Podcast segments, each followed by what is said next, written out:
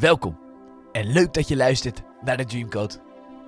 De podcastserie waarin ik, Stijn Akkerman, samen met verschillende gasten uit onder andere de sportwereld, het bedrijfsleven, het onderwijs en de wetenschap op zoek ga naar de ultieme code om jouw dromen te bereiken. Vandaag is Colin de Graaf de gast. Hij is performance coach bij Heracles Almelo. Hier is hij verantwoordelijk voor de fysiek trainingen, medische begeleiding en voeding van de spelers. Ook praten wij met hem over hoe je nou de meest fitte eredivisie selectie creëert. Dit en nog veel meer hoor je tijdens Dreamcode aflevering 7. Colin, super tof dat je te gast wil zijn in de Dreamcode podcast. Uh, nou ja, we spraken elkaar via Instagram. Ik volg je een tijdje uh, wat je allemaal doet bij Heracles. Uh, nou ja, wat je rol is, wat je functie is. Best wel vooruitstrevende functie, vernieuwende functie. Gaan we het allemaal over hebben in deze podcast. Zoals ik in de intro ook al zei, we gaan het ook over de statistiek van vorig seizoen hebben. Um, ja, hoe krijg je nou het meest fitte team? Maar ja, uh, voor we gaan beginnen, kun je jezelf een beetje introduceren? Ja, ik zal uh, even beginnen met zeggen, ik ben Colin de Graaf. Op dit moment 29 jaar oud. Uh, ik ben een, echt een fanatieke trainer, coach, begeleider van spelers. En in mijn rol bij Herakles doe ik dat als hoofdperformance. En ik zal wat die rol dan inhoudt op dit moment is. geef leiding aan de, de fysioafdeling, voeding, de kok zit erbij in. Um, we kijken naar hoe de spelers zo goed mogelijk kunnen begeleiden en zo fit mogelijk kunnen krijgen op het veld. En dan fit is in deze context van uh, zo goed mogelijk beschikbaar kunnen krijgen uh, voor de trainer, zodat hij zijn plannen uit kan voeren daarmee. Um, en daarbinnenin zijn we kijken van hoe kunnen spelers zich ontwikkelen, stappen maken en eventueel of in de basis komen. Dat is voor de ene een doel, en de andere is voor een doel om nog grotere stappen te maken en naar een grote toekomst te kijken. Nou, toffe diversiteit sowieso. Ja. Um, nou, ik heb je loopbaan een beetje bekeken wat je allemaal hebt gedaan. Een hele andere tak van sport is dit weer, want dit is topsport ja. natuurlijk. Dit ja. is los van andere uh, fysieke begeleidingen. Gaan we het allemaal over hebben. Um, maar laten we eerst inzoomen op je jeugd. Want nou ja, we weten natuurlijk de Dreamcode. Uh, je, je, staat nu op een bepaald punt. Dat moet ooit een droom geweest zijn. Maar ja, hoe zag jouw jeugd eruit? Ja, ja. ja. ja ik heb een hele rustige jeugd gehad. Ik, toevallig vorige week zat ik nog in uh, spelen AZ uit. Toen was mijn oude jeugdtrainer van de uh, B1, die zat op de tribune. Dus ik heb daarna nog eventjes mee gesproken. Het was een leuk momentje. En die, uh, die heb ik daarna nog even gesproken. En die zei, ja, ik had toch niet verwacht dat uh, jij als vlierenfluiter, toen stond ik op doel, dat jij nu dit zou doen in deze rol ook. Dit is een hele verantwoordelijke functie. Ja, precies. En best wel wordt veel gevraagd van discipline en dat soort dingen. Um, en ik was dan eigenlijk vanwege blessures was ik gaan keepen. En toen was ik onverhoopt, was ik er nog best wel goed in. Dus en mijn vrienden zaten wel in die vertegenwoordigende elftallen. Dus dan dacht ik, ja, dan blijf ik dat maar doen. Maar als keeper kon ik eigenlijk helemaal mijn ei niet kwijt. Uh, was veel te rustig, ik kon mijn energie niet, niet, helemaal niet ingooien. Um, dus toen uiteindelijk heb ik dat wel gedaan tot en met het eerste. En, uh, twee wedstrijden gespeeld, daarna alsnog speler geworden. ook bij Sportlus 46 ook wel spelen nog daarna het eerste gehaald. Dat was, wel, uh, was wel apart. Weetjes. Maar dat was, niet, ja. dat, was niet, dat was niet slecht, maar ik ben echt een trainingsbeest. Ik heb absoluut niet voor mijn talent hebben. Um, en ik wil gewoon lekker creatief zijn als ik aan de bal ben. Een beetje gekke, gekke dingen die helemaal nergens op slaan, maar gewoon omdat ik ze leuk vind. Um, maar onwijs goede jeugd gehad. Uh, worden uh, opgegroeid. Alle kansen gehad uh, die ik kon krijgen, zeker op sportgebied. ik ben altijd onwijs erin ondersteund door, me, door mijn ouders ook. Um, en daar vanuit uh, gaan studeren in Amersfoort, daarna Arnhem, daarna in Utrecht gaan studeren. Een flink, een flink studiepad heb ik ook uh, ja. inderdaad een beetje vernomen. Maar ja. wat voor studies heb je allemaal gedaan? Ja, ik ben uh, tijdens, op, ja, op het MBO, of daarvoor op het VMBO ben ik begonnen. Ben ik sport- en bewegenkant al gaan doen. Dat was de, de, eerste lichting die dat überhaupt kon doen. op het VMBO in, op het Kasbeek in Woerden. Toen ben ik van daaruit naar het eh, MBO in Amersfoort gegaan. Maar dat was al, die hadden een samenwerking met het SIELS. En ik wou per se een SIELS diploma hebben. In plaats van een sport- en bewegen diploma. Want wat maakte dan dat die diploma interessanter was voor jou? Ja, die stond iets hoger aangeschreven. En als ik een research ging doen, zag ik ook wel dat daar nog meer gevraagd werd van discipline. Dat de eisen wat hoger lagen. Terwijl eindstand netto heb je hetzelfde diploma. Ja, precies. Ja. Um, alleen ik had wel zoiets van, ik wil, als ik dat kan op dat niveau, dan wil ik wel graag proberen het beste te, uh, het beste te hebben. Waarin ik mezelf het meest kan prikkelen. Uh, dat gedaan, onwijs veel geleerd daar. De juiste mensen tegengekomen die mij hebben uh, geprikkeld. Um, toen van daaruit gekeken van, kreeg, ik had wel een droom om in het topsport te werken. Ik wist niet zo goed hoe dat eruit moest zien. Uh, de meest voorhand liggende route op dat moment was eigenlijk via fysiotherapie. Omdat eigenlijk de strength conditioning kant in Nederland zeker toen helemaal nog niet zo ontwikkeld was als het nu is. En daar eigenlijk heel weinig kansen waren. Uh, en fysiotherapie kant wel al redelijk goed ontwikkeld was. Dus dat elke club zeker al twee tot drie fysio's had. Dus als je netto uitrekent 18 clubs, uh, heb je er gewoon onwijs veel uh, kansen. Terwijl strength conditioning trainer, er waren clubs die het nog eens hadden op dat moment. Dus dan had je van de 18 clubs, laat zeggen dat je er misschien 8, uh, 10 kansen dat er waren. En die waren dan ook natuurlijk bezet. Um, ja, dus als hoofdtrainer was natuurlijk, als je, als je hoofdtrainer had willen worden, daar, daar zijn er zo weinig van die precies. daar al doorkomen. Zie maar die kansen krijgen. Ja, had, je, had je dat wel gewild als het mogelijk was? Um, ja, ik heb toen wel de jeugdteams getraind. Alleen op een of andere manier, um, zeg maar die ondersteunende rol, uh, zeg maar het, en ligt mij beter. Dus het kijken naar de lange termijn. In plaats van uh, echt hoofdtrainerschap, naar mijn inziens misschien iets te veel kort termijn. Dus zeg maar het leven van wedstrijd naar wedstrijd. Wat ik fantastisch vind bij andere mensen hoor. Als ik uh, Simeone laatst die documentaire ja. kijk, vind ik dat echt bizar. Helemaal op dit niveau natuurlijk hele korte termijn. Ja, het is, in de jeugd zou het nog langer kunnen, maar hier, dat senioren, eredivisie. Klopt. Daar moet het. Hier is de moment. Precies. En kijk, en zeker uh, als je kijkt naar wat is levensvatbaar, dan moet je toch in de top uiteindelijk gaan werken. Uh, ook financieel gezien, maar ook qua motivatie en wat je kan eisen van mensen. Dat is in de jeugd is dat een dunne, dunne randje, omdat je weet dat heel veel mensen uiteindelijk niet gaan redden en die uiteindelijk dan een maatschappelijke functie moeten gaan doen. En, uh, terwijl in de top kan je ook meer eisen van, uh, van de spelers. Uh, ook omdat ze dan ervoor betaald krijgen. En, dus dat, heel hoge eisen stellen. Ja, ja, ja precies. En dat dan kan je ook veel, veel meer verla verlang verla zo, verlangen van ze. ja. Dus dat is wel iets wat me toen wel echt trok. Dus daarom wou ik die kant op. En als hoofdtrainer zijnde...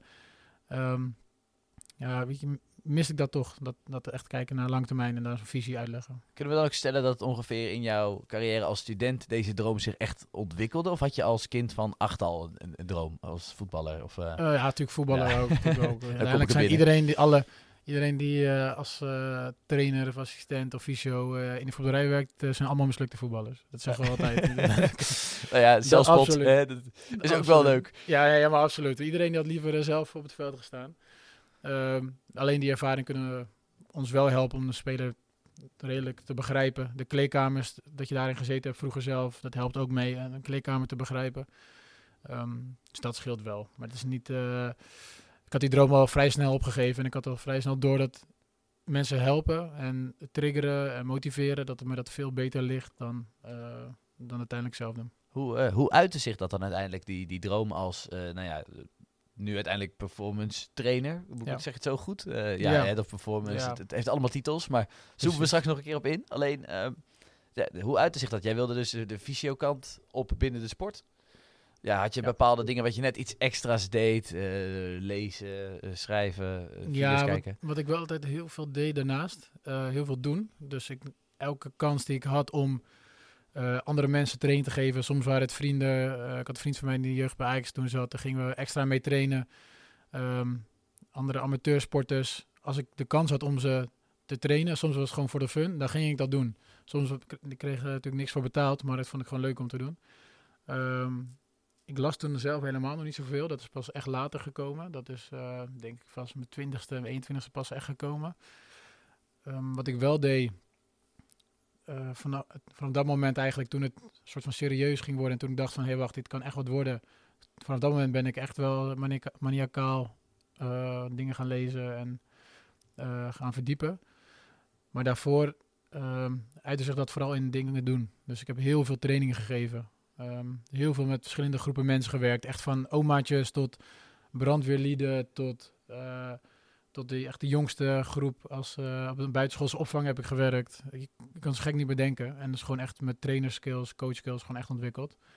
En daarna ben ik pas echt inhoudelijk uh, mezelf gaan verdiepen. Kunnen we dan stellen eigenlijk dat, dat ja, praktijk, ervaring, dat dat veel meer lering geeft uiteindelijk uh, ja, ten opzichte van al die theorie? Of, ja. of zie je, kijk je daar Ja, ik kijk er wel echt zo naar. Ik vind dat uh, echt onwijs belangrijk. Op het moment dat wij stagiaires hier hebben, of uh, als ik andere jonge coaches spreek, dan zeg ik echt van ga gewoon echt uren maken. Gewoon grijp alles aan om ervaring op te doen. Vervolgens, ervaring telt pas om, uh, op het moment dat je er echt iets ook mee gaat doen. Dus ook op gaat erop reflecteren. Dat is natuurlijk, zijn dingen die in mijn geval op het CIOS wel ook veel leert. Daarin hadden we gewoon twee keer in de week had je CP was dat en dan heette die lessen en dan was je gewoon van, dat zeggen, 9 uur ochtends tot 1 uur. Had je vier uur aan één had je verschillende lessen. Uh, waarin je soms bijvoorbeeld één onderdeel van basketbal moet lesgeven, was 20 minuten bezig. En dan 20 minuten daarna kreeg je les van uh, indoor hockey van iemand anders. En daar moest je dan weer op reflecteren. Hoe, ging die, uh, hoe, hoe was, waren zijn lesgeefskills? Daarna had je 20 minuten zitvolleybal, waar je, wat je dan mee moest doen of les opgeven. En ik kon zo gek niet bedenken. waardoor je didactisch heel erg veel leert.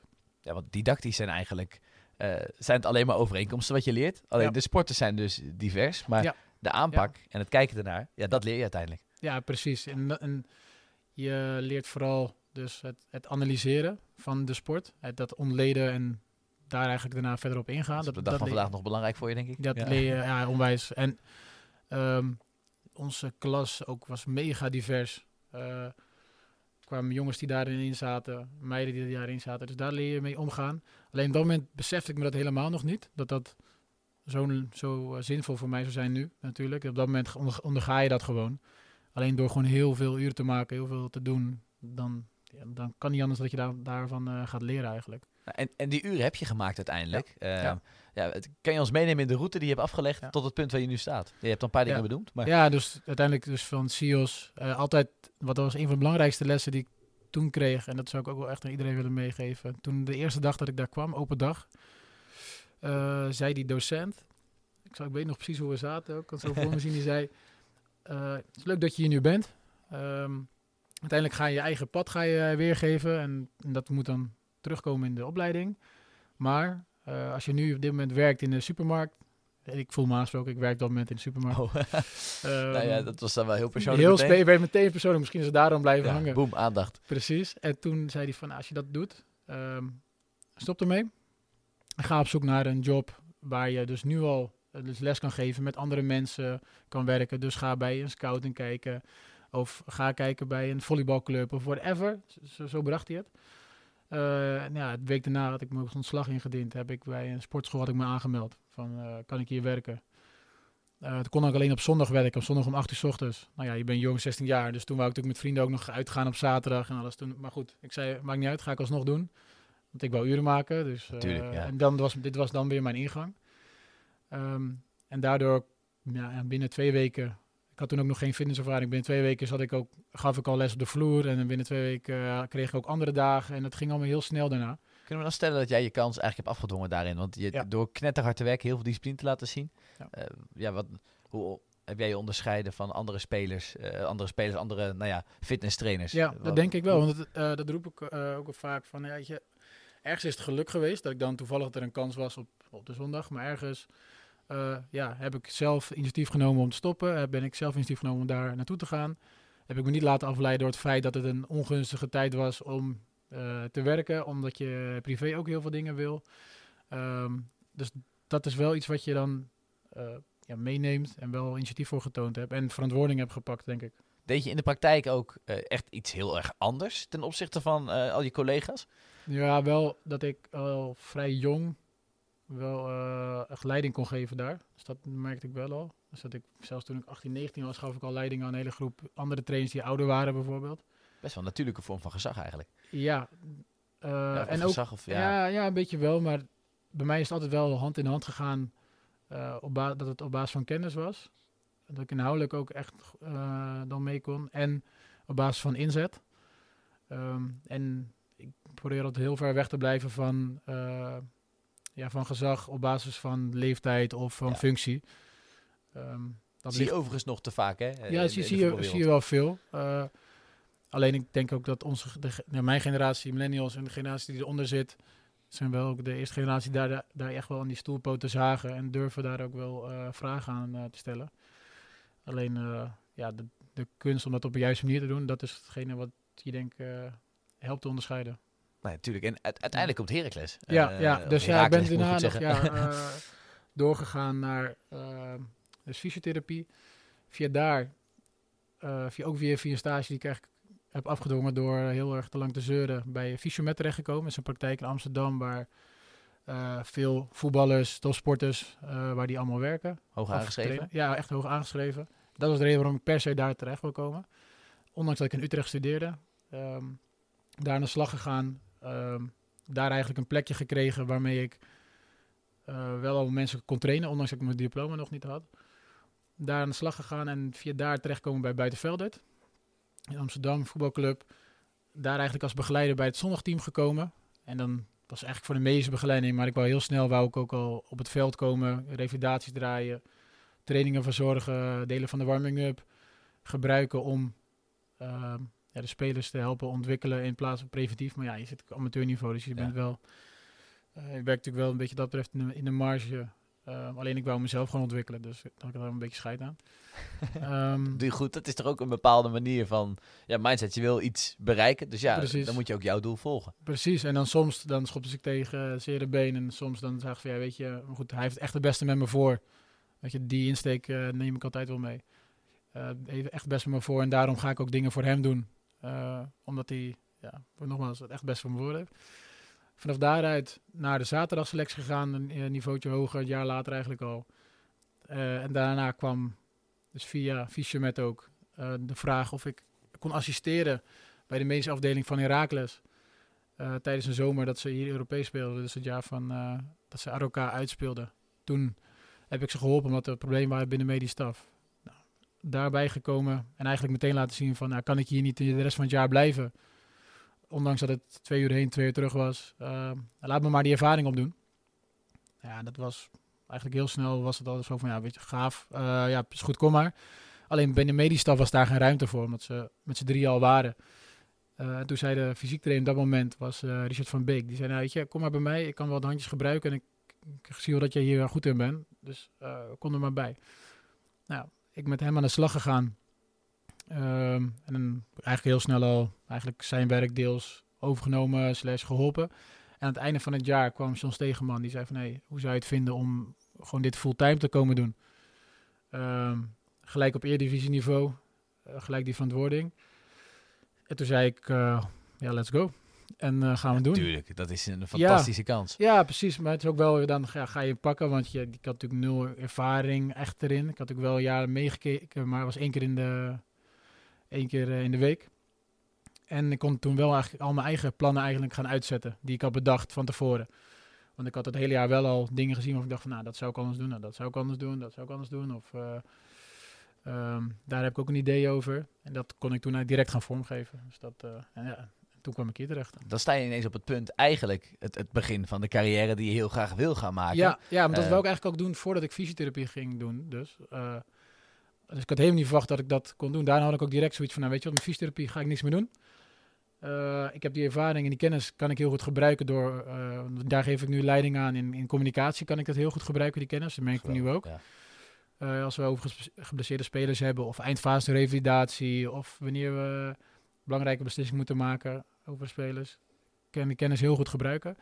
Alleen, uh, ja, ik zie mezelf niet meer echt als fysiotherapeut aan de slag gaan. Ik wil liever met een gezonde groep gasten werken. Dat is gewoon het voordeel vanuit mijn functie. Als iedereen fit is, dan kan ik gewoon 30 gasten, kan ik me helemaal uitleveren, uitleveren om die naar een topniveau te brengen. En als je een fysio bent, dan werk je toch eigenlijk met gasten die geblesseerd zijn. En de gasten die fit zijn, ja, dan doe je alleen of wellness, dus masseren, uh, sauna's en dat soort dingen mee helpen. Of je bent ze aan het tapen, bijvoorbeeld voor training. En echt behandelen doe je pas met de jongens die geblesseerd zijn. Um, of andere klachten hebben. Ja, en daar wou ik dan uh, van wegblijven. Nee, je hebt in deze rol, uh, je, ja. je, staat op best wel een, een, een, mooie positie. Tenminste, als je het mij vraagt, een moderne positie waar je echt uh, een mooi effect in de voetbalwereld kan gaan neerzetten. Want ja. het is, er valt denk ik veel winst te behalen. Daar uh, kom ik straks nog op terug hoor. Ja. Uh, maar nee, je hebt je route afgelegd. Welke lessen uit die route die je hebt afgelegd, gebruik je op de dag van vandaag nog steeds? Um, er zijn een paar dingen die ik echt altijd spelers en andere stafleden probeer mee te geven. Is, Eén is, het zijn natuurlijk mooie quotes, um, maar het is maar net de waarde die je die aan hecht. Um, is als je doet wat je deed, krijg je wat je had.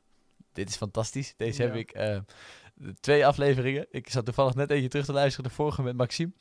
Toen zei ik, ja, ik ga hem nu voor de tweede keer zeggen. Mark Lammers zegt altijd, als je doet wat je deed, krijg je wat je kreeg. Nou ja, jij zegt hem letterlijk ja, nu. Ja. Ja, ja, ja, precies. Maar goed. Bijzonder. Die, die, uh, die is voor mij echt, echt belangrijk. Uh, vooral de, vooral zeg maar, de reviewen van je eigen gedrag. En het op zoek gaan naar kansen, mogelijkheden. In welke vorm dan ook. Ehm, dat is iets heel moois. En, en vooral zeg maar ook het reviewen van je eigen gedrag is daarin heel belangrijk. Dat soms vooruitgang is niet altijd alleen maar hoger, beter, willen, sneller, etc. Soms dat ook terugkijken en dan bevestiging krijgen van de route waar je op zit. Ehm, want juist soms het, het, onwijs streven naar meer, beter, langer, duurder, whatever. Uh, kan, kan, ook een bepaalde stress met zich meebrengen. En als je die stress negatief interpreteert, dan kan het ook negatief gevolgen hebben. Maar als jij dat positief ervaart en interpreteert, dan kan het je ook verder brengen. Ehm, dus ik denk dat dat een van de belangrijkste is. En uh, wat ik ook zeg is, je moet eerst de regels kennen voordat je kan breken. Dus eerst zorg ervoor dat je de juiste kennis hebt. Dat je uh, hebt ervaren wat het is om x gedrag of x actie te doen. En daarna pas kan je gaan denken, ja, maar uh, kan ook zo of kan ook zo. Ik kom wel mooi terug in dat wat ik net zeg, ja. inderdaad. Je kan een, hele een heel groot effect in de voetbalwereld, een hele grote beweging teweeg brengen. Ja. Alleen inderdaad, nou, het is wel een hele interessante aanvulling wat je nu zegt. Moet je dan wel de juiste kennis eerst uh, bezitten. Ja, ja en het is, het is ook gewoon voor spelers, weet je. Voetballers zijn dol op uitzonderingen, voor trainers ook. Dus uh, stel je voor, ik zeg van, ja, weet je, bij deze speler kan, noem eens wat, x-oefening kan bijdragen aan zijn uh, kracht en snelheid.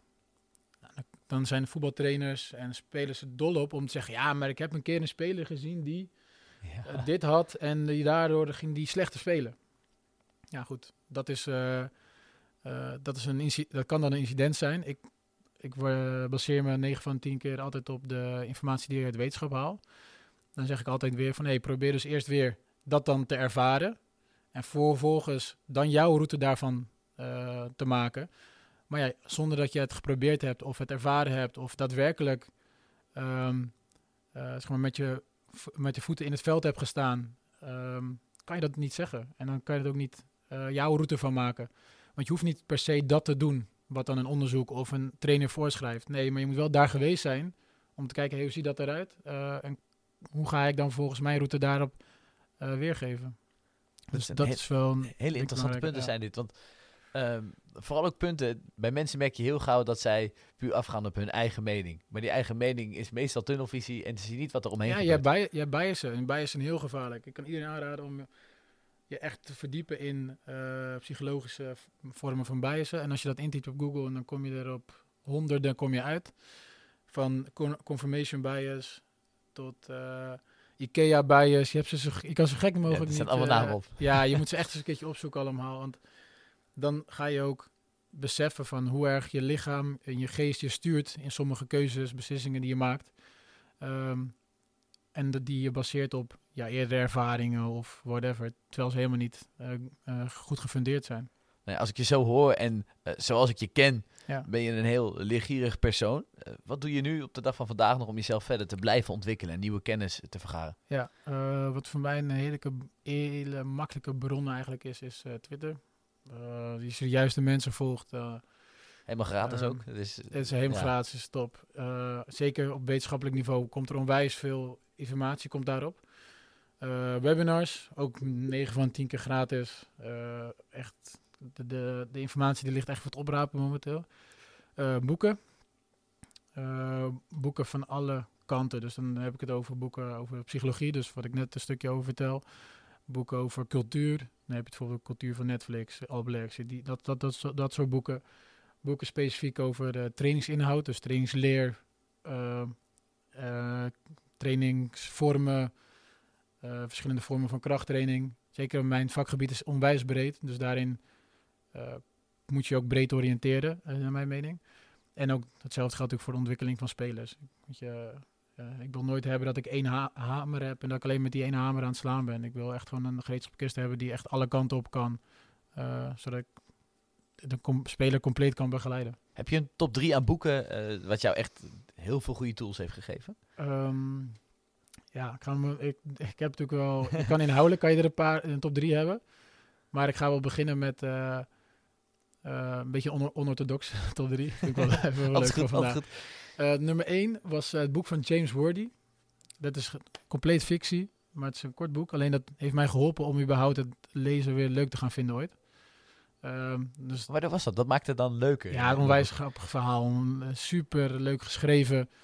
Eh, heeft helemaal niks met voetbal of met trainers te maken, eh, trainerschap te maken, maar het is gewoon onwijs gaaf om te lezen. Eigenlijk alsof je comedy zit te kijken. Ja, zo, maar ja, dan, precies. helemaal niet vast. Ja, alleen dat had ik wel nodig om vanaf daar mezelf weer te triggeren. Daarna ben ik Kruif gaan lezen en toen ook nog relatief eenvoudig boek. Maar daardoor ben ik wel weer lezen echt leuk gaan vinden. Wel toevallig, want toevallig het, het boek van Cruijff, eh, dat, dat, dat groene boek, de moderne versie van Ja. Mijn Voetbal.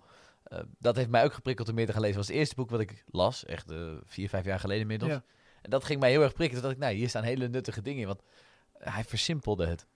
En nou, wat je zegt, maar je moet het wel leuk vinden, want Ja. anders gaat je intrinsieke motivatie ook niet echt toenemen. Precies, en dus daarom was dat onwijs belangrijk. Nou, inhoudelijk, wat me heel erg getriggerd heeft, eh, is eh, Anti-Fragile van eh, Nassim Taleb. Dat boek gaat eigenlijk dus echt, is een hele dikke pil, onwijs lastig, maar dat gaat eigenlijk, als ik het probeer te versimpelen, wat ik echt het boek, doe ik echt niet alles aan. Het gaat eigenlijk over dat de mens gemaakt is om de mens en systemen, dat, om prikkels te ontvangen. Dus even versimpeld weer, om bijvoorbeeld pijn te lijden, om ervaringen te hebben die positief en negatief zijn, om vervolgens daarvanuit sterker en beter te, te worden. Dat is helemaal versimpeld en dat gaat dan eigenlijk, eh, het is 450 pagina's, zo gaat het eh, daarover. Eh, Maar dat is wel goed, inderdaad. Dat betekent dus wel dat het een heel compleet boek is. ja, het is, het is echt, Als je het kan, heel goed. zeker een aanrader dus. Oh, echt onwijs aanraden. Maar dan zeg je wel iets heel interessants. En dat boek geeft dus een hele mooie boodschap weer als je het mij vraagt. Want eigenlijk hebben heel veel zaken veel meer raakvlakken dan dat wij mensen denken. Ja. Ook het, het vak eigenlijk voetbaltrainer. En ik had het er van de week eh, met toevallig een ouder over. Ik zeg ja, maar een kantoorbaan en voetbaltrainer eigenlijk heeft heel veel gelijkenissen. Want in de kern doe je hetzelfde. Je probeert in oplossingen te denken. Ja. Je probeert het maximaal mogelijke te bereiken. Nou ja, dat kan ik nog aanvullen met 10 punten. Ja. Maar dat is het leven volgens mij. Precies, je komt dat het, eh, heb je helemaal gelijk. En dan ook, eh, zeker door- dat soort boeken ga je ook meer in systemen denken en in structuren. En dat helpt je heel erg om zaken te gaan begrijpen en ook om uit te zoomen.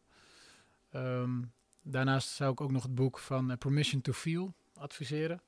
Ik weet daar de schrijver even niet zo 1, 2, 3 meer van. Maar als het hebt over emotionele intelligentie, dat is daar eh, is echt een heel goed boek in. En dat kan je ook helpen met jezelf te begrijpen. En als je jezelf natuurlijk beter begrijpt, wordt coachen wordt ook makkelijker. Daarnaast heb ik eh, vorig jaar cursus NLP gedaan. Daar ook heel erg veel mee, mee geholpen. Ehm, die heeft me vooral tools gegeven. De manier van denken merkte ik, dat kwam heel erg overeen met, eh, met mijn eigen bias. Dus daar, eh, daar heb je het weer. Maar Ja, heeft me wel echt goede tools gegeven om daar inhoudelijk eh, beter mee aan de slag te gaan. Waar focust NLP zich vooral op? Ehm, weet je, de basisboodschap is eigenlijk dat je ehm, de perceptie van de ander heel erg leert waarderen en respecteren. En ook ehm, heel erg goed leert begrijpen dat die perceptie, dat die gevormd wordt door eerdere ervaringen, eerder, door zijn kennis, door cultuur, door wat, dan- ook. Ehm, en dus wat jij zegt, eh, niet per se ehm, een representatie is van wie jij bent. Ehm, dus als iemand bijvoorbeeld mij nu begint uit te schelden, dan is een van de belangrijke stelregels vanuit de NLP is van persoon is niet gelijk aan zijn gedrag. Dus die persoon, ik kan zijn gedrag kan ik voordelen. Dat is heel makkelijk. Dus dan kan ik zeggen, hey, wat je nu doet keur ik af, want hier en hierom. Eh, maar dat betekent niet dat ik die persoon afkeur. Ehm, want die persoon die heeft een reden waarom die dit gedrag zeg maar vertoont. En zelfs die reden kan ik mee oneens zijn, maar dat betekent nogmaals niet dat de persoon mee oneens ben. En daardoor leer je heel erg uitzoomen op situaties. En leer je ook ehm, ehm, beter een band op te bouwen met mensen. Want soms heb ik wel eens gehad, zeker hier ook, omdat we op het randje werken, dat je een confrontatie hebt. En dat ik ook tegen die persoon kan zeggen, luister, wat je nu doet, ben ik het absoluut mee oneens. Dat betekent niet dat je geen toffe gast vindt en dat ik eh, goed met je opschiet en dat we zo meteen bij spreken naar de kroeg kunnen gaan samen. Maar eh, dit gedrag keur ik absoluut af. Nou ja, dan kan je, dat heeft mij daarin wel geholpen om daar echt tools in te geven om dat eh, te sturen en te begrijpen. Nou, Ik vind dit een heel interessant. Ja. ik, ik, Ja. ik ben even ook helemaal uit mijn focus, omdat ik Ja. zo... Ik zat helemaal in je verhaal. nee, maar ik kan echt daarom ik kan echt ook adviseren om mensen om eh, daar eens een keer in te, in te verdiepen. Ook zeker als je een coach bent. Ehm coach is natuurlijk echt een mensenvak. Zoals ik al zei, in mijn geval heeft het geholpen door heel veel ervaring op te doen met zowel van eh, bij het BSO, men- kinderen van vier tot en met in de gym met eh, mensen van 80. Ja, als, je, als je dat aan kan, dan is een profvoetballer peanuts. Ja, nou ja, een beetje Nou ja, wel. eh, Ja, een beetje wel. ja, Ja, ja met een afkloppen, andere context, maar eh, eigenlijk wel. Eh, zo heb ik het wel vaak ook omschreven. Weet je, het, is, het grootste verschil is dat de belangen groter zijn en dat je dat ook voelt. Dat, de, eh, dat je voelt dat de margin of error gewoon kleiner wordt. En, ehm, maar daardoor ga je ook nog meer effort erin steken en ga je nog proberen meer fouten uit te sluiten. Ehm, dus dat, dat helpt je ook om scherper te zijn. Voor, voordat wij het onderwerp persoonlijke ontwikkeling uh, even afsluiten, in, in, deze aflevering dan, ja. uh, wil ik eigenlijk nog één interessant puntje meenemen. Want ik, ik las in een artikel over jou uh, dat jouw passie voor een bepaalde club gegroeid is door een spelletje. Ja. Voetbalmanager. Ja, ja, ja. Zelf ook zeer fanatiek spelen. maar even een hele gekke vraag misschien. Een beetje onorthodoxe vraag. Heb je ook les uit dat spelletje geleerd? Um, Zou kunnen, maar... Talent scouten. Uh, nee, want ik vond het leukst altijd transferperiode. En ik ben nog geen technisch directeur. Precies, precies. Um, en ik, kijk, wat, ik wel, uh, wat je dan wel leert... Uh, ik weet niet of ik dat echt gebruikt heb ook later. Is dat je, je leert kijken naar een samenstelling van een elftal.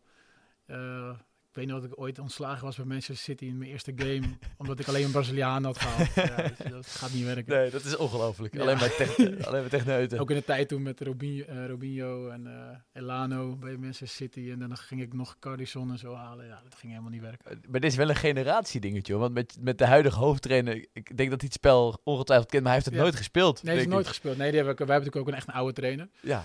Uh, alle respect, Frank. Ja, dat is natuurlijk. maar, uh, ik, ik, bevestig hem ook volmondig, maar het ja. hoeft niet per se slecht te zijn, want het is wel een hele innovatieve trainer. Straks, straks meer, want ik ga zo over Heracles praten een beetje. Maar.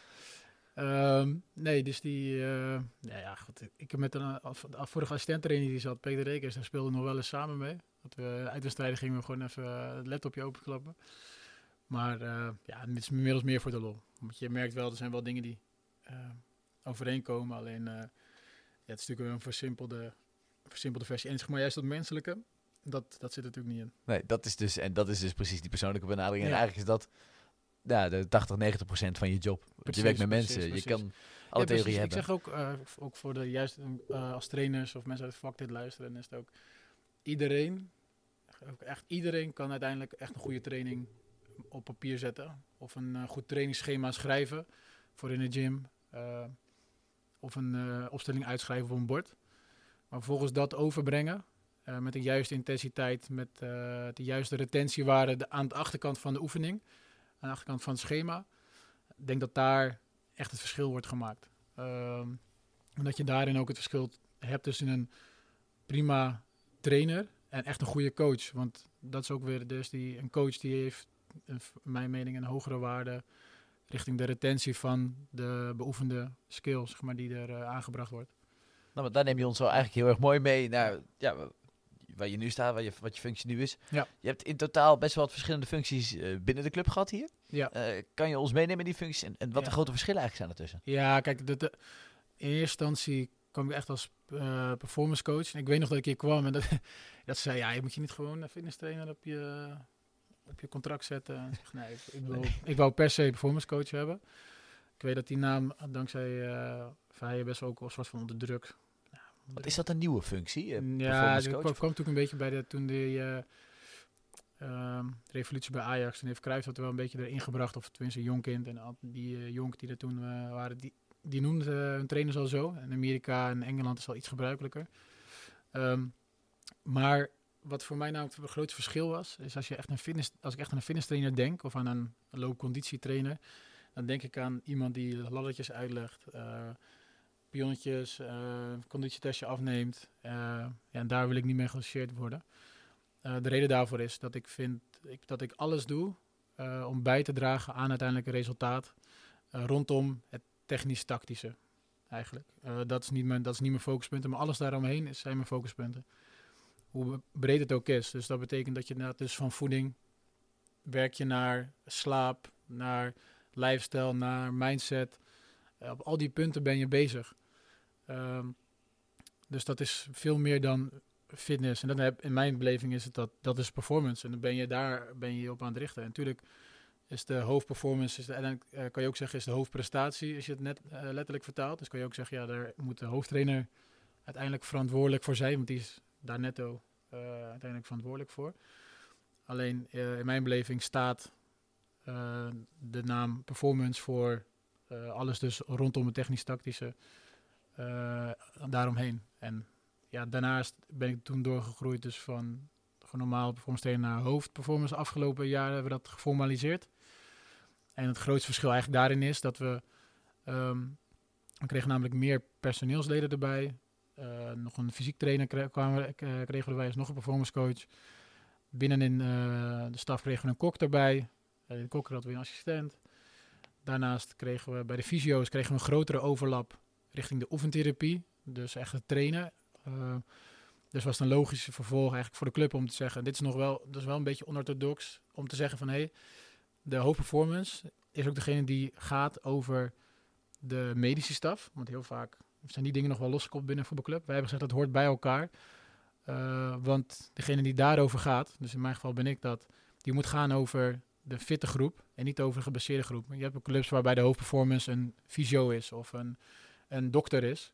Eh, ja, mijn mening moet juist degene die daar verantwoordelijk voor is, moet degene zijn die gaat over de grootste groep en daar ook de meeste, tussen aanhalingstekens, kennis eh, over heeft. Dat Dus- past ook wel heel erg bij een club als Heracles natuurlijk. Vooruitstrevend, vernieuwend denken. Ja. Ehm, zijn jullie dan ook een van de voorlopers eh, die het zo oppakken? Of zijn er meer clubs in de Eredivisie? Ja, eh, we die proberen wel inventief te zijn daarin. Ehm, door, ja, we denken, ik denk zelf dat we niet echt per se vernieuwend daarin zijn. Ik wil het ook niet zijn, eigenlijk. Daarin eh, vind ik dat wij op een te dun ijs begeven. Ik wil graag wel eh, misschien net erachter lopen. Eh, dat ik dingen zie die sommige andere clubs al uittesten. Dat ik dan al zie van het lukt wel of lukt niet. Nou, ik laat maar zitten, dan ga ik dat niet doen. En soms probeer, pak je dat wel op, afhankelijk van wat past binnen de marge. Kies ik wel heel bewust voor, omdat je niet eh, te veel tijd wil kwijt zijn aan maar het experimenteren. Je wil ook echt raken klappen hebben.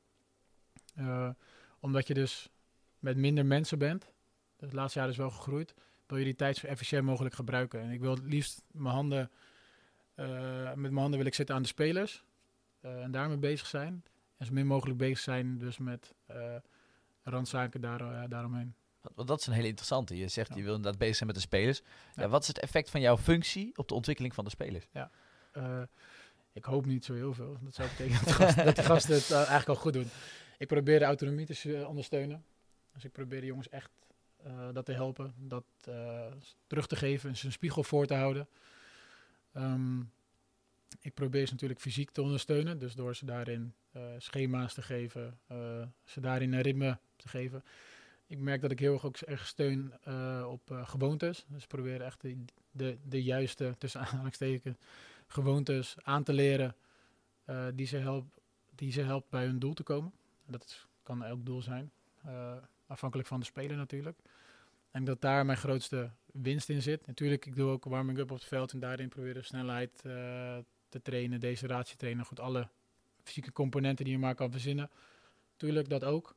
Alleen ik denk dat mijn grootste kracht eh, zit hem in eh, het creëren van de cultuur om de spelers heen.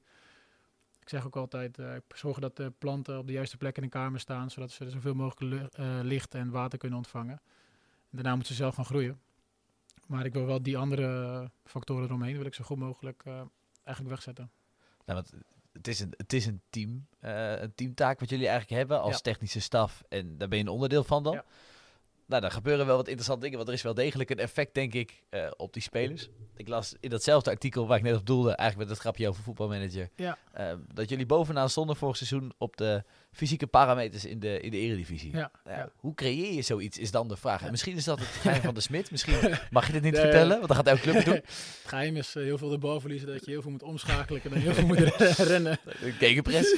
ja, precies. Dat is alweer tactisch. Dus dat ligt bij de hoofdtrainer Nee, ja, dan. kijk, maar uiteindelijk, ik eh, baseer mijn werk uiteindelijk op het uh, game-model van de trainer. Dus dat, eh, als, de als wij een eh, trainer zouden hebben die zegt, ik wil alleen maar laag staan. En als we de bal hebben, mogen twee man naar voren en de rest moet achterblijven.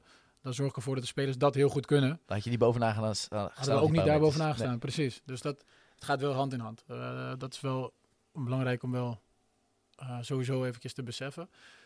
Wat mijn taak wel is, is om het spel van de trainer, dus als de trainer dit wil, dit zo goed mogelijk te ondersteunen. Dus dat de trainer ook ehm, zo attractief mogelijk, in zijn geval is dat dus heel veel druk zetten, heel veel omschakelen, duel spelen, dat hij dat ook kan doen. Ja, het blijkt eh, dat we dat nu al drie jaar achtereen heel goed kunnen. En dat de spelers dat ook echt heel goed kunnen. Eh, ook gezien de uh, spierblessures die we daarin hebben. Dat, dat, gaat eigenlijk altijd uh, binnenin de normen die we daarvoor stellen. Dat, dat, is dat, dat moet ook wel hand in hand gaan. Want je wil natuurlijk zo goed mogelijk presteren. En daarvoor heb je een hoge beschikbaarheid van je spelers nodig. Um, dus dat gaat eigenlijk, dat gaat eigenlijk naar behoren, moet ik zeggen. Bestaat er een soort samenwerking eigenlijk, zit ik nu te denken, tussen, tussen ja, de clubs in de eredivisie op, op dit gebied, op fysiek gebied? Of zijn ze allemaal best wel geheimzinnig? Nee, nee, nee, nee, We zijn er wel open in. Zeg maar, ik heb ook wel goed contact met heel veel uh, clubs en mensen die bij die clubs werken. Weet je, dat helpt mij ook in mijn ontwikkeling. Uh, soms spiegel je wel eens wat. Soms geef je dat bevestiging over wat je doet en dat je dat moet blijven doen. En dat je ergens komt en je denkt van, ja, weet je, dat zou ik niet zo doen. Um, en het is ook best wel een soort van nou, eenzame wereld. In de zin van, nou, je ik heb niet echt collega's dat ik dan hier ben en ik zeg van, nou ja, ik ga nu dat doen. Wat vind je daarvan? Daarvoor moet je toch bij andere clubs gaan, uh, gaan vissen om te kijken van hoe mensen ergens naartoe kijken. En soms merk ik ook van, ja, je, wij doen dingen gewoon anders. En dat is dan ook prima. Want dat, dat, uh, dat mag ook binnen het voetbal. Wat, wat, wat, doen jullie anders ten opzichte van bijvoorbeeld de top 3 clubs in de Eredivisie? Uh, de, de, klassieke ja, top 3. Wij hebben natuurlijk meer trainingsuren. doordat je onder schema draait. Uh, doordat je geen Europese wedstrijden hebt. Waarschijnlijk eerder uitschakeld ben in de weken. Dus wij draaien een vrij hoog volume. In onze voorbereiding bijvoorbeeld ook. Dat is wel iets wat wel echt heel specifiek was voor het werken met deze trainer. daar heb ik ook wel mijn lessen uitgehaald. Dus dat we bijvoorbeeld afgelopen voorbereiding 15 wedstrijden gespeeld hebben. Is ik even uit mijn hoofd. Um, dus dat betekent dat we bijvoorbeeld zaterdag en zondag een wedstrijd hadden ingepland. Waar jongens dan op zaterdag 45 minuten spelen en op zondag 45 minuten. En op die manier creëer je wat fysiologisch dan, uh, wat noemen ze dan, accumulated load. Eigenlijk stapelen van belasting. Uh, goed, daarvoor moet je daarna ook, ook tussen aanhalingstekens twee keer zo uh, hard van, van herstellen. Dus dan moet je ook weer goed managen. Maar dus door op die manier dat te gaan doen, dat we een hoog volume binnen de spelers krijgen. En dat ze daar een hele brede aerobe basis eigenlijk bouwen. Waar bovenop we dan vervolgens op een hoge intensiteit kunnen gaan, gaan werken. Want dus dan neem je ons eigenlijk al mee in, in ja, eigenlijk heel erg de, de praktijk in. Ja. Hoe jullie schema's, ja, waar baseren jullie je schema's op? Zowel uh, met oog op team en met oog op individueel. Heb je daar bepaalde Ja, nee, goed, de, de, basis is uh, het concept van supercompensatie. dat, is, dat blijft uiteindelijk toch uh, overeind staan. Dat is trouwens een gouden term in, in de hele voetbalwereld, hè? Ja, op wat voor manier? Nee, dat, dat, supercompensatie, die hoor ik in, in, elke term, in elke hoek voorbij komen wanneer je het ja. over Ja, want dat is natuurlijk, als je, het, als je het hebt over training, is dat natuurlijk wel wat er netto, netto gebeurt. Dus daar houden we ons gewoon aan vast. En daar binnenin ga je bewegen met, oké, wat zijn je kaders? Dus je context omgeven, uh, context, dus uh, tijd, constraint. Dus dat kan zijn verplichtingen die een club heeft, verplichtingen die de KNVB je oplegt. Uh, daar binnenin ga je pakken, oké, wat wil de trainer? Dus welke verplichtingen legt die trainer jou op? Hoe ga je daarmee om? Uh, en daar binnenin gaan wij dan met ons team kijken, oké, hoe kunnen we ons als groep spelers zo goed mogelijk daarin voorbereiden? Um, en dan kijken we ook als spelers terugkomen, dus individueel, kijken we naar uh, hoe gaan we dat samenwerken met de fysio, die integratie, wat mist er nog bij een speler?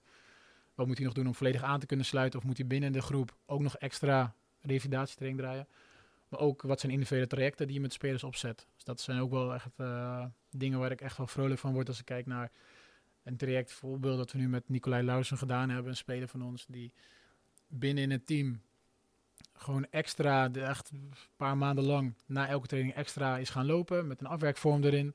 Gewoon elke dag weer. Deels om zijn gewoonte, uh, gewoontes te vormen. Dat dat voor hem normaal is geworden om even wat extra's te doen. Uh, en welke vorm dat is, in het begin hebben wij dat voor hem bepaald, maar dat is nu wat hij zelf, uh, zelf doet eigenlijk. vervolgens zijn we dat ook in de gym gaan doen. Echt elke dag een bepaald gymprogramma. Afhankelijk van intensiteit hebben, konden we daar natuurlijk mee, mee schrijven. Uh, maar dat zijn ook echt trajecten waarvan ik denk van, uh, ja, waar ik ook echt vrolijk van word om op iemand op die manier te helpen, inzicht te geven. Dus te laten ervaren weer van, nou ja, hoe uh, kan het zijn, hoe kan het ook zijn, op een bepaalde manier van trainen. Je brengt hem in een bepaalde situatie. Precies, misschien niet altijd even comfortabel, maar nu zijn we eigenlijk van de, met de begeleiding van ons uit gestopt. En nu gaat hij daar zelf mee door, omdat hij gemerkt heeft, hey, ja, het, het heeft me inderdaad sterker gemaakt en daar wil ik mee doorgaan. Nou ja, dus mooi, mooi, je hebt het net al een stukje over gym. Ja. En ja. Uh, nou kan ik me voorstellen, die jongens zijn op het veld al ontzettend ja, druk bezig, kunnen daar bepaalde belasting aan. Ja.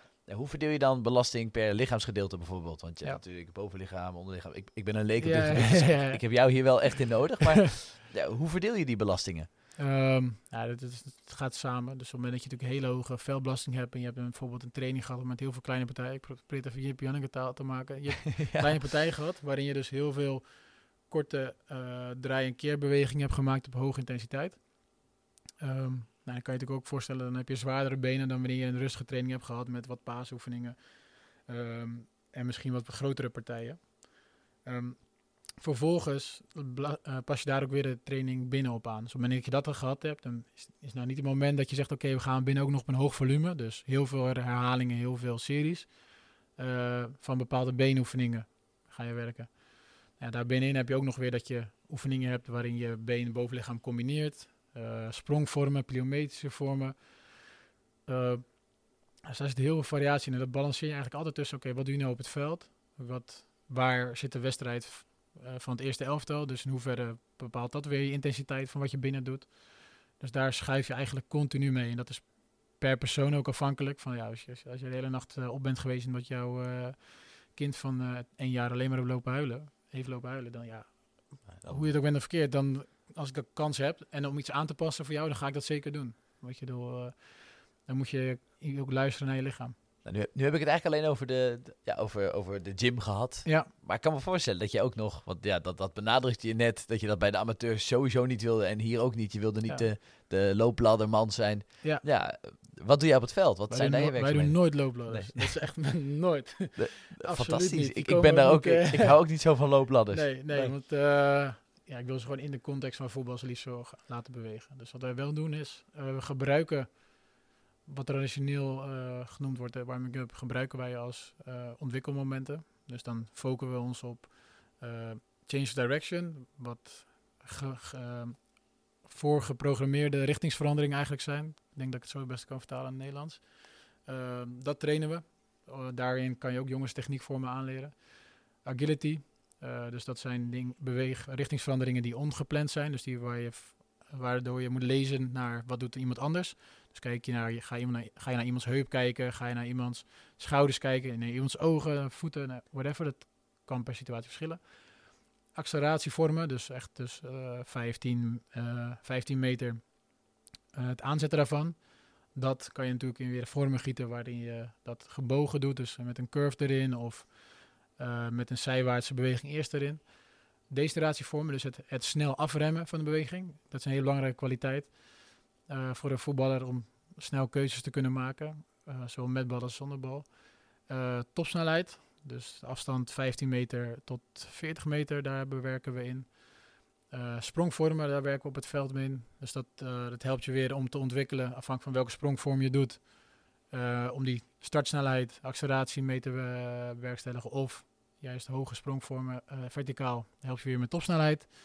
Nou goed, dat is wat we eigenlijk doen onder het kopje warming-up. Duidelijke structuur. Tenminste, ja. als ik het zo hoor, het, het klinkt allemaal heel logisch. Ik denk ja. ook dat het voor andere leken heel logisch klinkt ja, hoe, hoe die verbanden gelegd worden.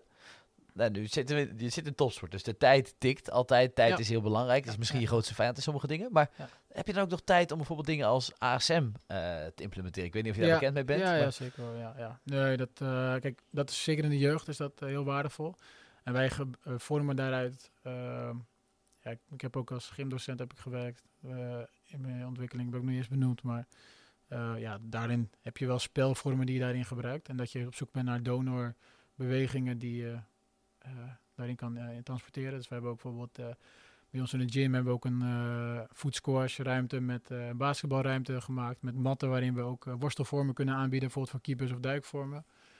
Um, alleen daarin proberen we wel in deze fase van ontwikkeling van spelers ze eigenlijk zo specifiek mogelijk daarin al te gaan belasten. Dus sprintvormen met gewicht erachter heeft voor mij in deze fase van ontwikkeling van de speler heeft voor mij meer uh, toegevoegde waarde dan een spelvorm waarbij die uh, uh, iets moet doen. Want dat past voor mij gewoon in een ander hokje. Want als ik iemand een tikker, tikkertje vorm laat doen met hindernissen over eh, de ruimte heen, waardoor die juist zijn, zijn voetplaatsing en dat soort dingen traint, eigenlijk indirect, terwijl die tikkertje aan het doen is. Ja, dan zit ik meer op mijn agility training dan op mijn topsnelheidsontwikkeling. Dus, ja. Dus je past het in, in, die, zin wel ergens toe, maar niet tot in extreme dat je ineens een heel gek spel gaat doen, dat je ineens gaat hockeyen met je groep. Uh, nee, nee, nee, nee, nee, nee, Maar dat heeft ook helemaal voor deze jongens geen, uh, geen meerwaarde meer, denk ik. Nou ja, je kan wel, het zou, uh, je zou er echt wel meerwaarde in kunnen halen. Alleen dan zou je het structureel moeten, moeten gaan doen. En daarvoor is de voetbaltijd dan te kostbaar. Ja, dus je wil eigenlijk wel genoeg tijd op het veld ook doorbrengen. Nee, we noemden net ook al het, het puntje lifestyle. Ja. Uh, kan je ons meenemen wat volgens jou de ultieme topsportlifestyle is?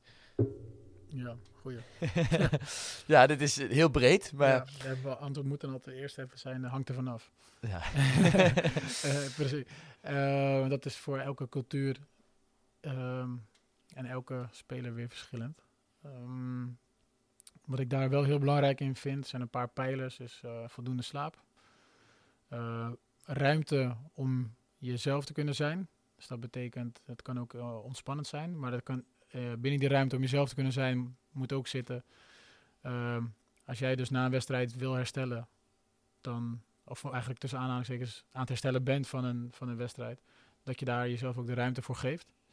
En dus ook luistert naar je lichaam en niet gedwongen bent door je omgeving om allerhande activiteiten te gaan doen. Dat is gewoon niet.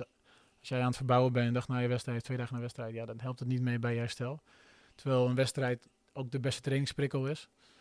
Um, ik dat heel belangrijk is. Nou, kijk, voeding is niet degene wat je, waardoor je eh, echt 100% verschil gaat maken. Maar uh, het kan wel zorgen dat je niet verschil kan maken. Ik weet niet of je begrijpt wat ik bedoel. Ja, ik begrijp deze door, denk je wel. Dat ja. Voeding, uh, begrijp ik goed als ik zeg dat dat vooral voor je, voor je fitheid heel belangrijk kan zijn. Ja.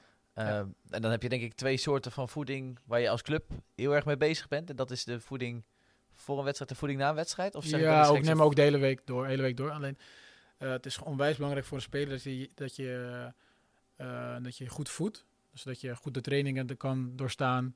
Dat je jezelf zo goed mogelijk uh, je koolhydraten stapelt voor een wedstrijd. Dat je daardoor zo lang mogelijk kan volhouden. Ook de laatste 10 minuten kwartier. Eventueel dat nog aanvult met supplementen. Echt in de laatste, laatste fase, mocht dat nodig zijn. Um, dat, is even, dat is eigenlijk even je basis. Alleen daaromheen, zeg maar, als jij de avond voor een kroketje, kroketje eet en je daarna scoor je, dan is het niet dankzij dat kroketje dat je misschien scoort, maar misschien ook niet. Zeg maar het is, je je weet het niet. Ja. Uh, alleen als jij ervoor zorgt dat je al die andere dagen je voeding goed op orde hebt, dan gaat dat kroketje echt het verschil niet maken. Maar eet je al die andere dagen ook een kroketje, ja. Wordt het structureel... En dan uh... wordt ineens, uh, dan wordt de kans op succes in de wedstrijd uh, wordt kleiner. hoe je het ook bent of verkeerd. Want, ja, hoe monitoren jullie dat vanuit de club? wat de spelers eten bijvoorbeeld? gesprekken. Gewoon, gewoon gesprekken. En houden ze dat bij ergens? Of? Nee, ja, alleen als we dat nodig achten. Oké, okay, dus, dan... ergens hebben ze ook dus die autonomie van de spelers vinden we heel belangrijk. Dus die zelfstandige ontwikkeling daarin. Um, ja, dat proberen we echt te stimuleren. En daarin hebben we ook dus voedingsspecialisten daarin dat, dat soort gesprekken voert. Wij voeren dat soort gesprekken met spelers. En zo kunnen we eigenlijk gezamenlijk trekken we daarin op. Onze kok heeft daar uh, goed inzicht in. Uh, Renny de Groot die houdt dat goed in de gaten. Of wat jongens ook opscheppen hier. Die kan daar ook een gesprek over starten met ze.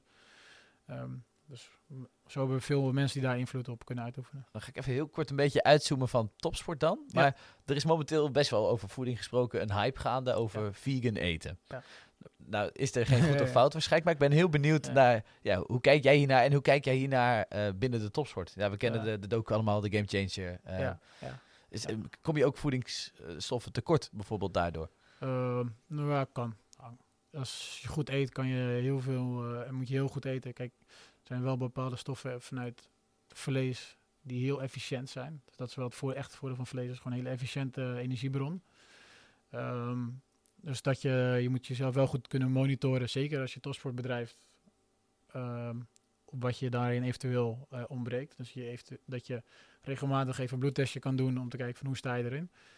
Um, dus dat we hebben ook een speler gehad die aanleiding van die docu ook uh, vegan is geworden. Nou ja, wat we ook merken is dat je dat we dat traject goed begeleiden en ook de juiste voedingsmiddelen voor hem kunnen voorschrijven, dat hij dat je gewoon prima kan presteren. Echt. Waren er, waren er grote, en, en okay, technisch kunnen we niet te veel op ja, inzoomen, maar eh, waren er ook grote verschillen uh, tussen die speler ten opzichte van een, een, ja, een speler die wel gewoon vlees had? Nee. Nee, gewoon eigenlijk aardig alles hetzelfde. Ja, precies. Uh, en dat is ook het voordeel van voetbal natuurlijk, wat ik net ook zeg. ga je, de juiste voeding gaat je niet zorgen dat je alles goed doet, maar het kan wel helpen. Ehm, en uit een vegan dieet kan je gewoon, kan je gewoon heel veel halen. Dus dat 9 van de 10 dingen zitten er gewoon in. Je benoemde ook het stukje slaap net in je stukje. Nou, nou weet ik toen Wormoed toen net kwam. Ja. Ehm, ik meen dat ik ooit iets heb gelezen over dat hij bedjes hier neer had laten zetten. Omdat hij lang wilde oh, trainen. Nee, nee, nee. Klopt dit? Nee, nee? nee. Wat we wel deden, en dat was wel iets waar we voor ook al bezig mee waren, is... Uh, wij, wij, trainen dan om tien uur s ochtends, nu nog steeds zo trouwens. En dan vier uur s middags weer. Ja. Um, dus dat betekent dat jongens tussen de training door, uh, mogen ze naar huis. En dus kunnen ze dus gewoon thuis even kunnen ze gewoon thuis ook gewoon naar bed gaan. Dus jij had niet jouw bedje hier staan dat jij hier lekker tussen de trainingen door... Nee, nee, wij werken gewoon tussendoor, dus het, werkt wel, het werkt wel anders. Um, maar uh, wat we wel hadden, we hebben een samenwerking gehad met een bedden speciaalzaak hier aan de overkant industrieterrein.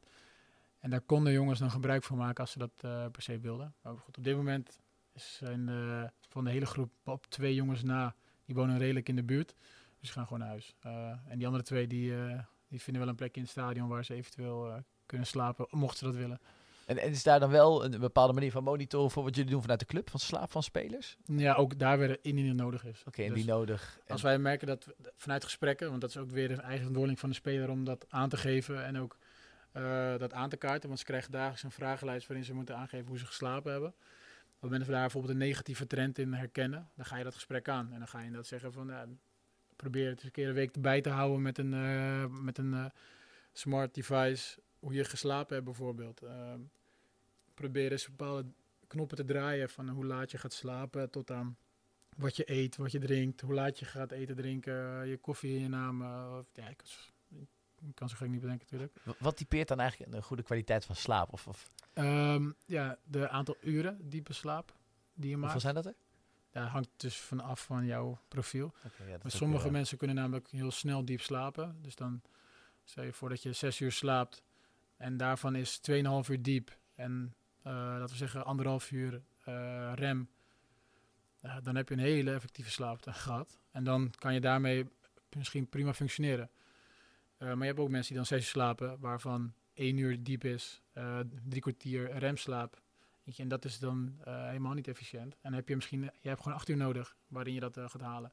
Of je moet andere slaapstrategieën hebben, waardoor je sneller wel in diepe slaap kan komen. Dus dat is wel, ja, op je daar, inhoudelijk kan je daar heel diep op ingaan. Meestal doen we dat, ja, 9 van 10 keer doe het niet omdat het best wel, best wel goed gaat. Maar als het nodig is, dan kan je wel dusdanig ver gaan.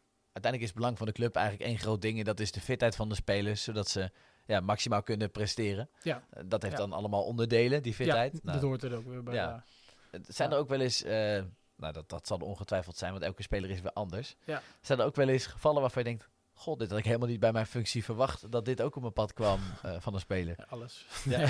nee, ja, je komt continu dingen tegen in de zin van, uh, in de gespreksvorming, dat je ook steeds meer merkt van, ik ben eigenlijk bijna soms meer een amateurpsycholoog dan een dan een eh, trainer. Maar goed, dat hoort ook weer bij het coachings, coachingsvak. Ehm, je probeert ook met spelers te levelen door uh, gezamenlijke ervaring op te bouwen, door ze buiten de context van voetbal uh, met ze afspreken om even een keer te gaan lunchen. Ehm, dus dat zijn wel zaken die, ja, die er ook wel bij, bij komen kijken. Dus ik zeg, het is niet alleen maar even een schema uitschrijven of een uh, periodisering maken. Dat is ook belangrijk. Dat, dat, die basis moet ook echt goed zijn, begrijp me niet verkeerd. Alleen uiteindelijk de implementatie daarvan is nogmaals echt het belangrijkste. Je wilt toch dat ze gaan werken, dus moet je ook gewoon een band kunnen hebben. Ja, ja, ja maar goed, ik, ik wil ook dus graag coaching leiden geven vanuit die functie. Dus ik wil ook dat ze mij kennen en dat ze weten dat ik echt om ze geef. Omdat dat, is, dat is mijn, waar ik voor dit werk voor doe. Omdat ik het van, fantastisch vind als een speler uh, zichzelf maximaal kan ontplooien. En zijn manier van werken vindt en zijn uh, manier van, uh, van ontwikkelen en leven vindt daar kan ik het meest van genieten. Dus als hij dat beseft, dat alles wat ik doe, elke uh, strenge toespraak die ik hou, of elke keer als ik hem een keertje naroep, of whatever, dat het allemaal is met dat in gedachten, ja, dan kan ik eigenlijk, nou, ik zwaar gezegd, maar bijna alles maken om die uh, gast of die speler zo goed mogelijk te ontwikkelen. Zo, zo stimuleren. Wel. Ja, zo werken die dingen wel. Ja. We gaan zo langzaamaan bouwen naar het einde. Uh, voor we naar het einde gaan, nog één inhoudelijk dingetje. Ja. Want je hebt, naast training heb je ook wedstrijden. Wat is jouw rol tijdens een wedstrijd? Ja. ja, mijn rol tijdens een wedstrijd is uh, tijdens de uh, warming-up. heb ik een rol. Dus de jongens goed mogelijk voorbereiden in kleedkamer ook met voeding, et cetera. Um, dus mentale ondersteuning daarin. Dus zorgen dat de jongens zo goed mogelijk in de zone kunnen komen om te presteren. vervolgens tijdens de wedstrijd tracken we de, ja, de intensiteit van de jongens. Dan heb ik communicatie met de trainer over eventuele wissels of uh, uh, andere keuzes die hij graag wil maken en waar ik hem mee kan, uh, bij kan helpen. Wat dat betreft is gewoon ook een assisterende functie van de, van de hoofdtrainer natuurlijk. en wat we ook doen is wij taggen tijdens de wedstrijd wedstrijdbeelden op de bank. Dus dan kijk ik van, nou ja, als er bijvoorbeeld een specifieke situatie is waarin de speler op een bepaalde manier een duel aangaat, of een omschakelmoment, of um, een ander 50-50 duel of een mooie richtingsverandering. Dingen die wij dus in de week betrainen. Dan kan ik dat aantikken taggen, en dan vervolgens naar de hand aan de hand van beelden dat nog terug gaan kijken. En kan ik dus samen met die speler zien van, hey, let op, hier speel je een duel op deze manier. Als je je voetplaatsing zo hebt en je arm zo hebt, dan weet ik zeker dat je volgende keer dat duel, precies hetzelfde duel, wel wint. Daar hoeven we echt niet 30 kilo zwaarder voor de bank drukken. Nee, het is gewoon een technisch verhaal. En een kan je op die manier je lichaam beter gaan gebruiken. Wel tof dat dat tegenwoordig ook kan. Naast tactische aspecten, dus ook gewoon de, de fysieke aspecten, dat je dat ook kan vertalen naar beelden. Ja, weet je, het is heel makkelijk om te roepen van ja, hij is niet sterk genoeg, hij weet niet genoeg duels, uh, hij moet gym in. Uh, dat is heel makkelijk om te roepen. Uh, terwijl heel vaak heb je dus over ook gewoon echt technische skills op dat gebied. Want je kent zelf ook wel vaak genoeg voorbeelden van jongens die klein zijn, maar die gewoon heel sterk op het veld zijn, die wel heel veel duels winnen. Dat heeft gewoon puur daarmee te maken. Dus daar kijken wij ook naar als fysieke staf. Om te kijken, wat kunnen we daar vandaan leren. En dat gebruiken op spelers die wel en al sterk zijn. En als die ook nog een lichaam goed gaan gebruiken. Ja, dat zijn mooie momenten. Als ik dan van het weekend met uh, Basikoglu zijn we daarmee bezig. Dat hij dan een duel wint van Dani de Wit. Wat ik echt een fysiek sterke speler is. En die na de hand aan toe komt. Zegt hij, hey, heb je gezien? Uh, zeg je wat ik deed? Uh, ik had hem nu een goed duel gespeeld. Ja, dat zijn mooie mooie momenten. Hij doe je daarvoor. Dat is, ja, ja nou, hij, je ziet op het veld Een stukje ontwikkeling voor hem. En vervolgens denkt een club die voor hem aan het kijken is en onze TD en onze trainer denkt, hé, hey, hij is fysiek sterk, want hij wint dit soort duels. Nou ja, dat draagt bij aan uh, de perceptie van die speler. En draagt ook bij aan de perceptie van de trainer van, hé, hey, ik heb een sterk elftal. Nou, inzoomend op de voetbalwereld. Ja. Uh, tot slot. Ja nou, er is een groot verschil tussen de wereld van tien jaar geleden en de wereld nu. Ja. Ja, wat kan jij een van de grootste verschillen benoemen nog vanuit jouw rol nu? Uh, de, de, spelers vragen meer. De spelers willen meer. Die hebben ook meer resources tot zich beschikbaar. Uh, ook buiten de club om. Uh, en daarnaast kunnen wij de spelers ook meer bieden. Dus dat zijn de, de twee. Als je, als je puur hebt over het onderwerp waar we het ook hiervoor ja, zitten. Ja, dat is eigenlijk het grootste verschil. Um, en hoe zich dat dan vormgeeft en wie dat het beste kan gebruiken. Dus die beste die vraag van die spelers kan gebruiken en het beste de middelen die hij tot zich beschikking heeft eh, bij een club qua faciliteit, et cetera. Die dat het beste kan doen, die maakt uiteindelijk het verschil. Dus dat, uh, ik denk dat het verschil is, ja. Ik vind dat wel heel interessant inderdaad over, om het over geschiedenis te hebben, hoe een wereld zich ontwikkelt, een voetbalwereld. Nou, dat hebben we eigenlijk vandaag ook wel heel erg gedaan in deze podcast. Ik hoop het, ja. Voor ik je ga bedanken, ehm, wil ik je vragen of jij nog drie tips hebt ja. voor onze luisteraars. En onze luisteraars, dat zijn natuurlijk ja, ambitieuze jonge mensen, de dromers. Ja. Nou ja, je hebt er al een paar gegeven. Ik, ik denk dat ik tijdens deze eh, aflevering dat er wel goede tips in zitten. Ehm, ten eerste is um, probeer gewoon echt te gaan voor wat je leuk vindt. En probeer je daar dan ook maximaal te verdiepen. En probeer ook daarin ook mensen te vinden die jou daarin kunnen helpen. Dus niet alleen op je zolderkamer blijven, maar ga er ook dan uh, op uit en probeer ook um, voet aan de grond te krijgen en probeer het gewoon te doen. Dus, dus ga die training geven. Ga ervaren hoe het is om op, uh, onder hoge druk beslissingen te moeten nemen, et cetera. Uh, verder, zorg goed voor jezelf. Dat niet vergeten. Ja, heel belangrijk. Op het moment dat je dat goed doet, dus je houdt zelf genoeg lichaamsbeweging en um, dan is het ook makkelijker om goede keuzes te kunnen maken. Um, en denk een laatste is uh, uh, luister goed naar de speler, naar de mens uh, achter zeg maar, de, de, de voetballer. Fantastisch. Als je als trainer hebt, dus luister goed daarnaar. Nou, geweldig, Colin. Ja. Ik ga je ontzettend bedanken uh, dat jij nou, te gast wilde zijn. dat jij uh, me toe bent gekomen. Ja, ja nee, ja. nou, voor de luisteraars om er even een beeld te schetsen. Wij zitten in een fantastisch mooie skybox met uitzicht op een heel modern stadion. Ja. Ligt kunstgas in. Dat is ook... Uh, ik weet niet, daar, daar, hebben we het niet over gehad. Gaan we, gaan we ook niet meer doen, daar zijn we nog half uur bezig. Matje ligt er goed bij. Matje ligt er mooi bij. Andere clubs, uh, Utrecht, uh, ja, dus bijvoorbeeld, daar kan je niet normaal voetballen. Afgelopen, zo, afgelopen zondag, hier kan er gewoon voetbal blijven worden. Nee, ontzettend bedankt. Ik, ik heb genoten en heel veel lessen uitgehaald. En ja, tot de volgende keer, zeg maar. Ja, zeggen. Ik ben benieuwd naar welke club dan. Maar, ja.